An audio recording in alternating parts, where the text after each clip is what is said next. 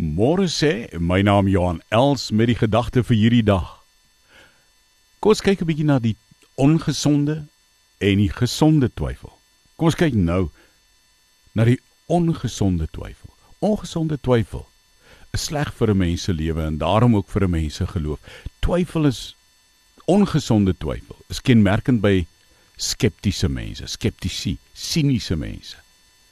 Uh, ons het ook die ervaring hier in ons land wel in die hele wêreld waar mense skepties en sinies is. Die Chinese het 'n spreekwoord wat sê die skeptiese soort twyfel is om jou voet in twee verskillende bote te hê. Nou jy kan dink wat dan gebeur. Dis 'n skeptiese twyfel.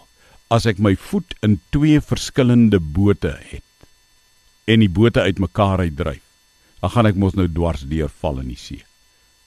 Die Engelse taal sê weer you cannot make up your mind. Maar die Afrikaans sê so mooi. Jy hink op twee gedagtes en kom jy tot 'n besluit.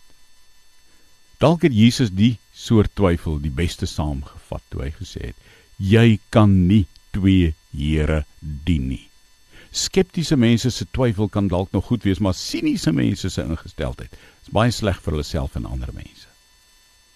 Siniese mense is verby kritiese vrae. Hulle is vol negatiewe oordeele oor byna alles en almal. Skeptiese mense hmm, kan indien hulle rig lig kry nog ander vertrou en self optree en die goeie doen. Maar siniese mense se ingesteldheid verdoem hulle tot 'n negativiteit en 'n passiwiteit. Dis ongesonde twyfel. Ongesonde twyfel bring jou nie by negativiteit en passiwiteit nie. Dit bring jou juis by 'n groeikurwe in jou geestelike lewe. En daarom kan ek en jy as Christen sê, my twyfel bring ek na die Here.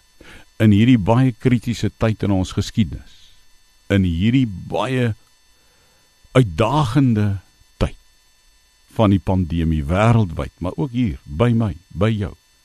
Here, dankie dat ek my ongesonde twyfel kan bely en my gesonde twyfel na U toe kan bring.